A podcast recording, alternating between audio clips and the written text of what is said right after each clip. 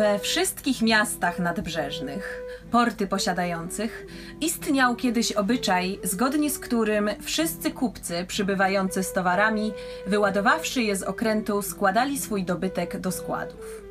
W wielu miejscach taki schów, zwany doganą, należał do gminy albo do pana tych ziem. Oddawszy spis towarów ludziom zawiadującym tymi sprawami i oznaczywszy ceny, kupcy zamykali otrzymane składy na klucz. Celnik, mający zwierzchni nadzór nad portem, wpisywał wówczas do księgi wszystkie towary kupca i żądał później zapłaty w miarę ich odbierania. Dzięki tym księgom faktorzy nierzadko dowiadywali się o ilości towarów, a takoż jacy kupcy je przywieźli. Po czym już targu dobijano lub zamiany czyniono. Obyczaj ten istniał też w Palermo na Sycylii, w mieście, co po dziś dzień słynie z wielu białogłów, odznaczających się pięknym ciałem, ale nie cnotą. Człowiek, który ich nie zna, skłonny jest je poczytywać za wielce obyczajne istoty. Białogłowy te gotowe są zedrzeć skórę z każdego mężczyzny. Gdy tylko przybędą cudzoziemscy kupcy, zaraz dowiadują się one z portowej księgi, kto co przywiózł i za ile towar sprzedać może. Po czym łaskawymi słowy i płochym obejściem starają się obrócić na siebie uwagę, a wreszcie usidlić kupców swą miłością. Już wielu ludzi sprowadziły w ten sposób na bezdroża i cały towar z rąk im wyrwały. Zdarzali się i tacy, co zostawili w Palermo nie tylko swoje towary i okręty, ale także i kości. Tak zręcznie bowiem te balwierki brzytwą władały. Przed niedawnym tedy czasem przybył do Palermo pewien młodzieniec florencki, Niccolo da Salabaetem przezwany. Na polecenie swoich zwierzchników przywiózł ze sobą tak wiele sukna, danego mu na kredyt na jarmarku w Palermo, że mógłby za nie 500 złotych florenów otrzymać. Zapłaciwszy w porcie za przechowanie, złożył towar do składów i nie spiesząc się zbytnio ze sprzedażą, jął się po mieście przechadzać. Salabaetto był młodzieńcem jasnym, płowym, kształtnym i urodziwym, a liści i lekko myślącym, ponieważ życie mu się uśmiechało. Zdarzyło się, że jedna z tych balwierek, o których wyżej wspomnieliśmy, imieniem Janko Fiore, usłyszawszy o nim, obróciła nań uwagę swoją. Salabaetto spostrzegł to i imaginując sobie, że ma do czynienia z jakąś znaczną damą, postanowił ją olśnić urodą swoją i grę miłosną chytrze przeprowadzić. Nikomu nic o damie nie mówiąc, począł się przechadzać pod jej oknami.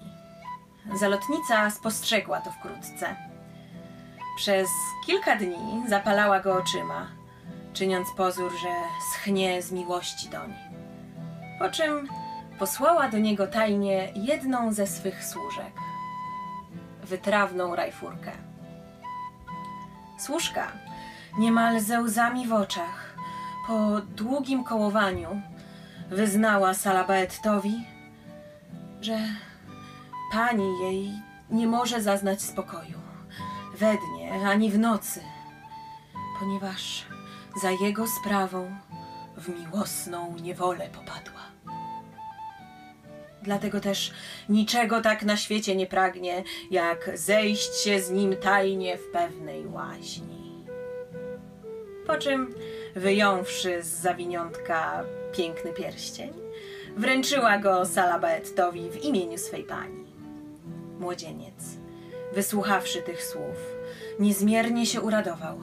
Chwycił pierścień, a nasyciwszy nim oczy i ucałowawszy go, nasunął go na swój palec i odparł służce, że Madonna Janko Fiore jego wzajemność posiada, ponieważ on, Salabaetto, miłuje ją nad życie. Gotów będzie pójść za nią wszędzie, gdzie tylko mu rozkaże i o każdej porze. Służka zaniosła ten respons swej pani.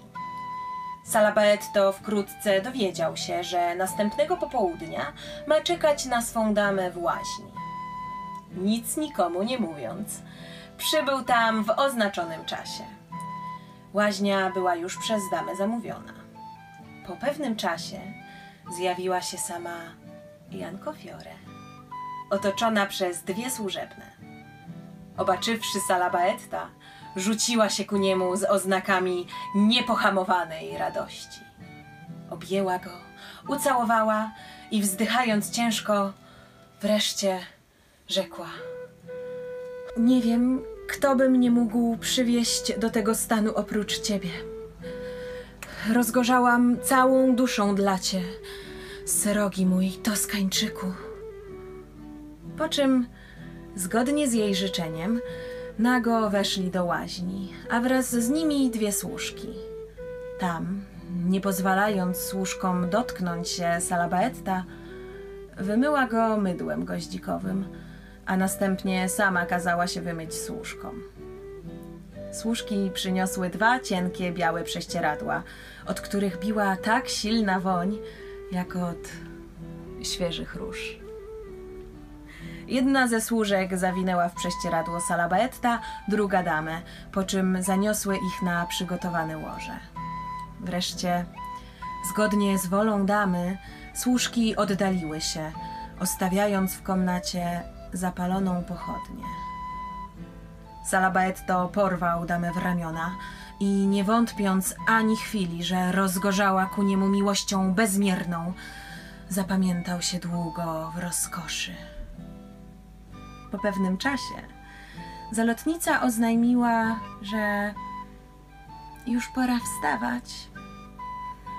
Wezwała przeto służki, które ich ubrały. Pokrzepiwszy się nieco słodyczami oraz winem i umywszy ręce pachnącą wodą, miłośnicy jęli się do drogi zbierać. Przy pożegnaniu dama rzekła: Jeśli byś zechciał przyjść do mnie dziś wieczorem na wieczerze i na nocleg, byłabym szczęśliwa niezmiernie. Salabetto, zachwycony urodą damy, jej udaną przymilnością ujęty, a przy tym twardo przekonany, że ona go miłuje nad wszystko w świecie, rzekł: Każde Twoje życzenie jest świętością dla mnie. Dlatego też dzisiaj, jak zawsze, gotów jestem wypełnić wszystko, czego zapragniesz. Dama po powrocie do domu kazała przybrać godnie swoją komnatę i przygotować wspaniałą wieczerzę. Po czym zaczęła oczekiwać Salabaetta, który nadszedł o zmroku i został powitany z radością. Po spożyciu dobrze zastawionej wieczerzy przeszli do sypialnej komnaty. Tutaj Salabaetto poczuł rozkoszną woń drzewa aloesowego i różnych pachnideł i obaczył wspaniałe łoże, a także bogate tkaniny na ścianach wiszące. Widząc te szczegóły, do tej myśli przyszedł, że ma do czynienia z bogatą i znamienitą damą. Chociaż więc doszło do jego uszu kilka niepochlebnych o niej posłuchów, przecie żadną miarą wiary dać im nie chciał. Gdyby nawet był zdolny uwierzyć, że tego lub innego w pole wywiodła, co do siebie nie wątpił, że z nim tak nie postąpi. Spędził tedy tę noc przy niej, pełen radości i mocniejszym jeszcze płomieniem rozgorzał. Gdy świt zabłysnął, dama opasała go na pożegnanie pięknym i wielce misternym pasem srebrzystym, przedziwną sakiewką na pieniądze opatrzonym i rzekła: Mój najdroższy Salabetto, zachowaj wiecznie miłość do mnie i wiedz, że w każdej chwili jestem na Twoje usługi i że wszystko, co tutaj widzisz i co tylko osiągnąć mogę, jest do Twojego rozporządzenia. Salabetto uścisnął ją rozczulony, ucałował i pożegnawszy się z nią, pośpieszył tam, gdzie się kupcy zbierali.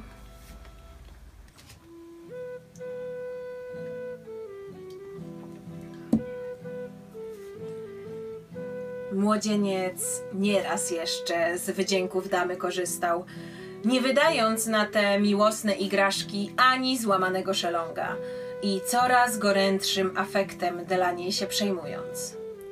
Tymczasem udało mu się zbyć za pieniądze towar przywieziony i znacznie przy tym zarobić. Zalotnica wnet dowiedziała się o tym od trzecich osób. Pewnego tedy wieczora, gdy Salabaetto przybył do niej na dłużej, zręczna białogłowa jęła wysilać całą przebiegłość swoją.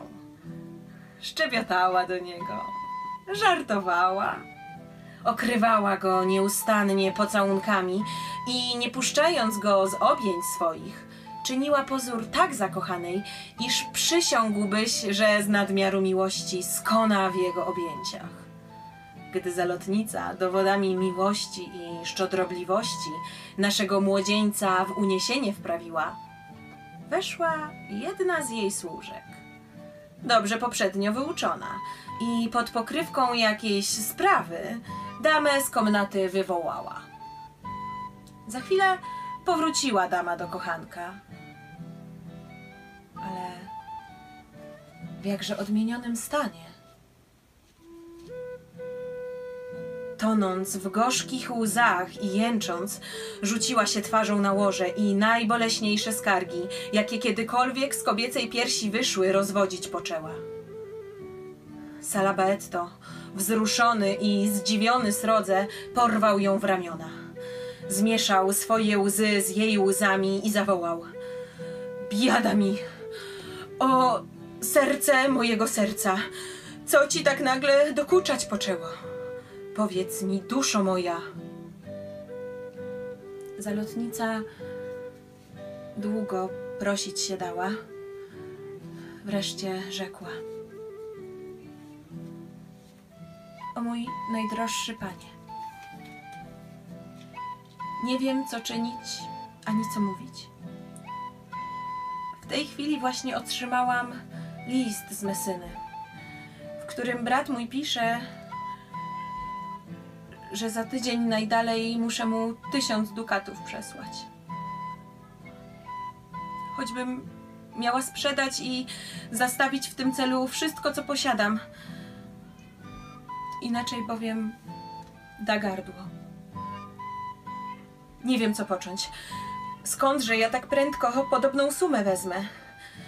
Gdybym miała choć 14 dni czasu, to potrafiłabym wydostać te pieniądze od człowieka, który mi jest znacznie więcej winien. Albo też sprzedałabym jedną z posiadłości naszych. Cóż pocznę jednak teraz, gdy mnie czas nagli. Och, bodajbym umarła pierwej, nim ta smutna wiadomość do rąk moich doszła. To rzekłszy, od nowa głośnym płaczem wybuchnęła jak gdyby całkiem ją ta troska przybiła. Salabaetto, którego namiętność przyrodzonej rozwagi pozbawiła, biorąc łzy i słowa kochanki swojej za rzetelne, zawołał. Madonno, tysiącem zaiste służyć wam nie mogę, ale 500 dukatów w każdej chwili pożyczyć wam gotów jestem. Zwłaszcza, że jak powiadacie, będziecie mi je mogli oddać po dniach 14. Prawdziwe to szczęście dla was, że właśnie wczoraj towar mój sprzedałem. O mój salabetto, rzekła zalotnica. Teraz dopiero dowodnie przekonywam się, iż miłość Twoja do mnie prawdziwą jest i szczerą. Skoro nie czekając, aż Cię sama poproszę, tak wielką sumą pieniędzy chcesz mnie w ciężkiej potrzebie wspomóc. Mam nadzieję nieomylną, iż w krótkim czasie dług mój uiszczę. Pomoc Twoją przyjmuję i zabezpieczam ją na wszystkim, co tutaj widzisz. Rzekłszy te słowa, żewliwymi łzami się zalała i rzuciła mu się w ramiona. Salabetto, widząc ją tak rozrzewnioną, ze wszystkich sił pocieszyć ją się starał. Przepędziwszy noc w jej domu, rankiem następnego dnia, na dalsze wezwania nie czekając, przyniósł jej pięćset błyszczących dukatów, które ona ze śmiejącym się sercem i łzawymi oczyma przyjęła. Rzecz oczywista, że nie było mowy o wekslu lub o jakimkolwiek obligu. Salabetto poprzestał na prostej obietnicy.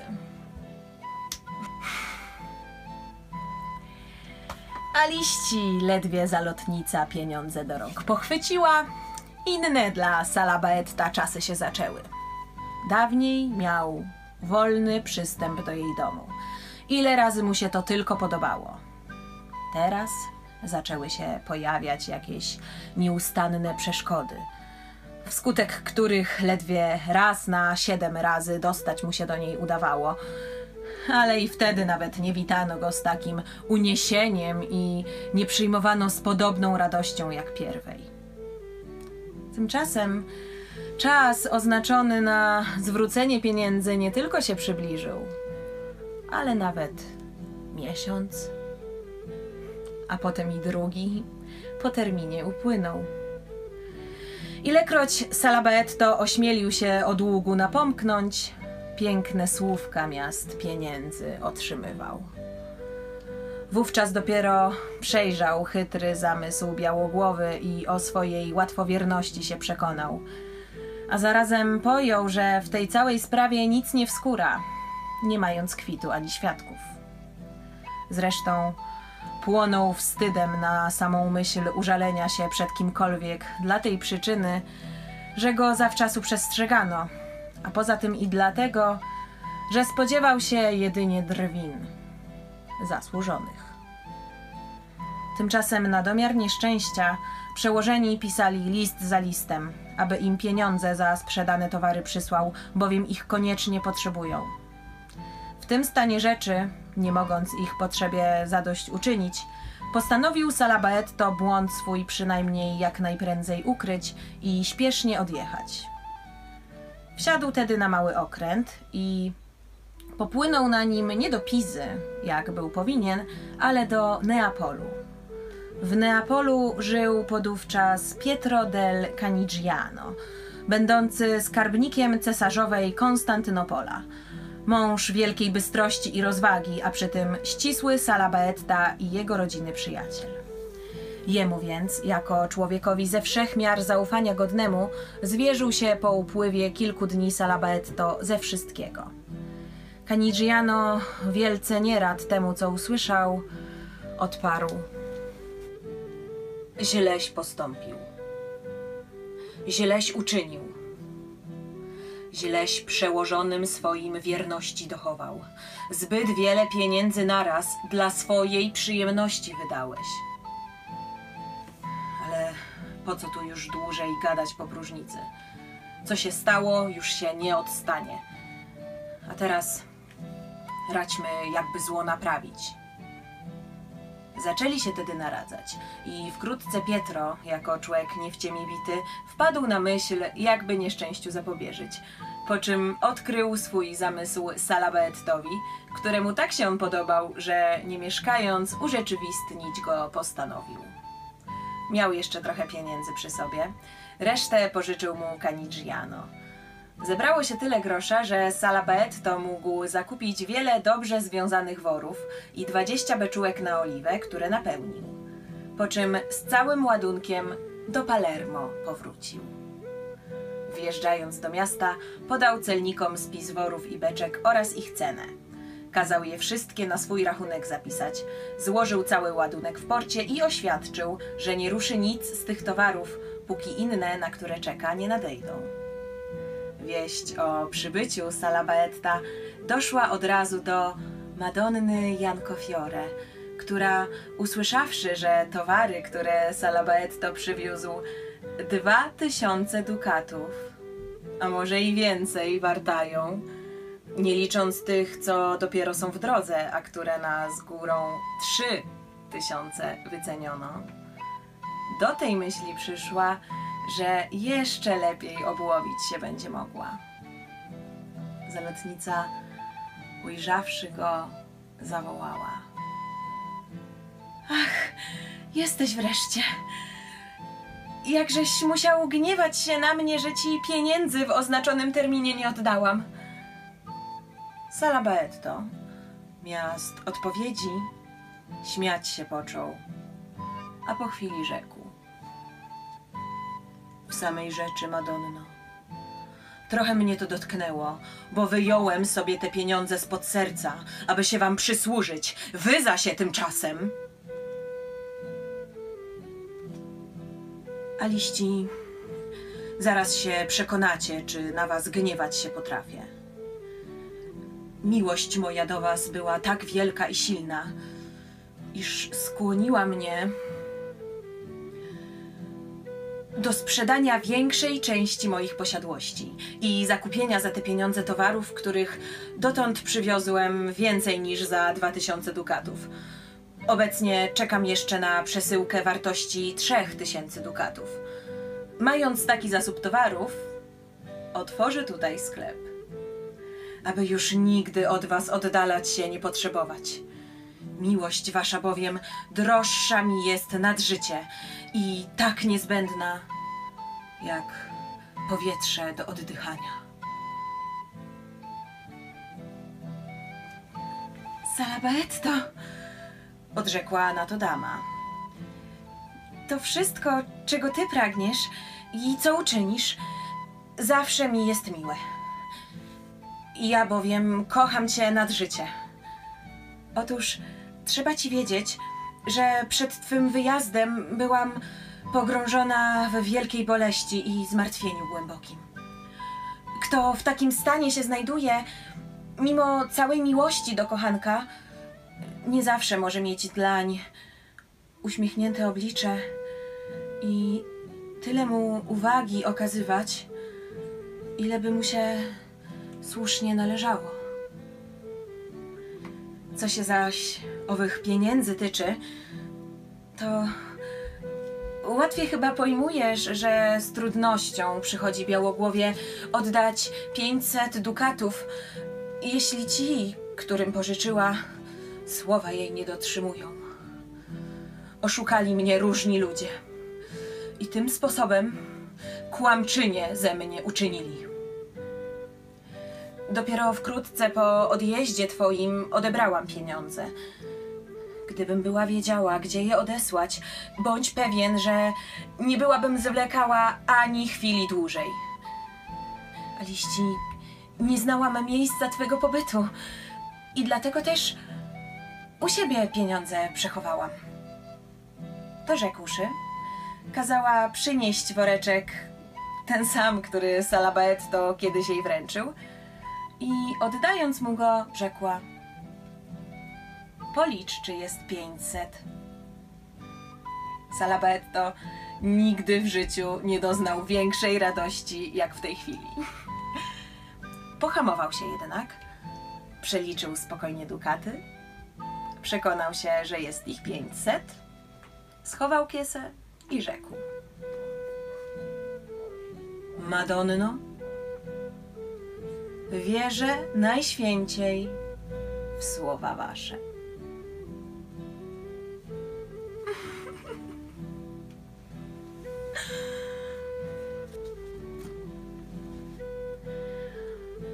Taki sposób dawna ich miłość, w słowach przynajmniej, na nowo zawiązana została i Salabetto rozpoczął znów z zalotnicą poufały i tkliwy stosunek, doznając od niej ciągłych objawów czci i miłości najgorętszej.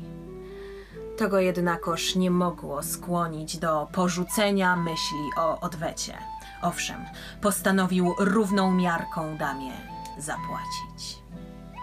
Pewnego tedy dnia, gdy zalotnica posłała po niego, zapraszając go na wieczerzę i nocleg, zjawił się. A liści tak zrozpaczony i pomieszany, iż zdawało się, że przytomność utracił. Jankofiore uścisnęła go i tkliwie badać poczęła, co ten smutek oznacza. Salabetto długo dał się prosić. Wreszcie, jakby był jej czułością zwyciężony, rzekł w te słowa. Jestem zgubiony. Okręt, którego czekałem, a na którym znajdowały się towary, wpadł w ręce korsarzy z Monako. Oddadzą je za wykupem dziesięciu tysięcy dukatów, z czego na mnie tysiąc przypada. Tymczasem nie mam ani złamanego szelonga przy duszy. Te bowiem pięćset dukatów, które mi oddaliście, posłałem natychmiast do Neapolu, aby za nie materii lnianej zakupiono.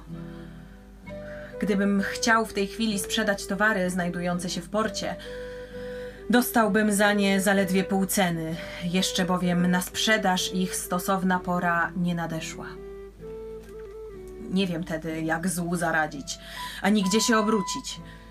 Jeśli nie wyślę zaraz tych pieniędzy, towary moje dostaną się do Monako i wówczas już nic z nich nie obaczę. Wiadomość ta dotknęła zalotnicę nader niemile, bowiem dzięki niej wszystkie jej zamysły w niwecz się obracały. Dama poczęła rozważać, jakiego by w danym razie użyć środka dla zaradzenia złu. I rzekła: Bóg wie, jak cierpię, widząc Twoje zmartwienie. Na cóż jednak zda się tu rozpacz? Trzeba radzić. Gdybym miała pieniądze, klnę się na mą duszę, że pożyczyłabym ci je natychmiast. A liści tak wielkiej sumy nie posiadam. Znam jednakoż pewnego człowieka, y, który mi niedawno pożyczył kilkaset dukatów y, do owego tysiąca brakujących. Ale ten lichwiarz żąda ogromnego procentu. Nie mniej niż y, 30 od 100. Jeśli byś chciał pożyczyć od niego, to musisz mu dać jakiś dobry zastaw. Y, Co się mnie tyczy, to gotowa jestem dać mu jako porękę wszystko, co posiadam, wraz ze sobą na przydatek. O ile tylko y, pożyczyć zechce. A liści w razie, gdy to nie wystarczy, na czym mu resztę zabezpieczysz? Salabetto odgadł od razu, jaka pobudka skłania ją do uczynienia mu tej przysługi. Młodzieniec nie miał wątpliwości ani na chwilę, że owym tajemniczym lichwiarzem jest ona sama. Była to właśnie woda na jego młyn. Dlatego też naprzód korny dank jej złożył, a następnie rzekł, że w tak ciężkiej jak obecna potrzebie największy procent zapłacić jest gotów. Co się tyczy rękojmi, to oświadczył, że towary złożone w porcie każe przenieść na nazwisko tego, kto mu pieniędzy pożyczy. I tylko klucz od schowu przy sobie zostawi, aby w razie wezwania mógł kupcom towary pokazać i aby mu niczego nie poruszono lub nie przemieniono przypadkiem. Zalotnica odparła, że ta rękojmia całkiem wystarczającą jej się wydaje, po czym rozstali się z sobą. Nazajutrz sprytna nasza dama posłała rankiem po zaufanego człeka. Opowiedziała mu rzecz całą i wręczyła tysiąc dukatów, które on natychmiast Salabaettowi zaniósł. Salabaetto zaś ze swej strony wszystek towar złożony mu w porcie na jego imię przenieść kazał. A liści Salabaetto niedługo już w mieście bawił. W kilka godzin potem wsiadł na mały statek z tysiącem pięćset dukatów w kieszeni i powrócił do Neapolu, do Pietra del Canigiano, skąd ścisły rachunek za sprzedany towar odesłał do Florencji na ręce przełożonych, którzy go z suknem wyprawili. Zwróciwszy Pietrowi i innym wierzycielom ich należności, za resztę pieniędzy, podstępnie od chytrej Sycylianki wyłudzonych, nie jeden jeszcze wesoły dzień z Canigianem spędził po czym odrzekłszy się kupiectwa do Ferrary pojechał. Tymczasem w Palermo Janko Fiore, nie mogąc Salabaetta odnaleźć, dziwić i niepokoić się poczęła. Gdy dwa miesiące minęły, a jego wciąż jeszcze widać nie było, kazała za pośrednictwem swego zaufanego człowieka drzwi wiodące do składów wyłamać. Naprzód Otworzono beczułki, rzekomo oliwą napełnione i znaleziono je pełne wody morskiej, nad którą około garnca oliwy pływało. Po czym rozpruto wory i przekonano się, że wszystkie, z wyjątkiem dwóch zawierających w sobie nędzne gatunki materii, pakułami nabite były. Słowem, wszystkie towary wartości 200 dukatów nie przenosiły. Teraz dopiero poznała Jankofiore, że ją na hak przywiedziono. I długo nie mogła utulić żalu za 500 dukatami, które oddała, a takoż za tysiącem, który pożyczyła. Wzdychając ciężko, powtarzała nieraz: Kto z Toskanem sprawę toczy, niech otwiera dobrze oczy. Tak oto przybiegła oszustka, odniosła od razu wstyd i szkodę, przekonawszy się pierwej, że trafia czasem kosa na kamień.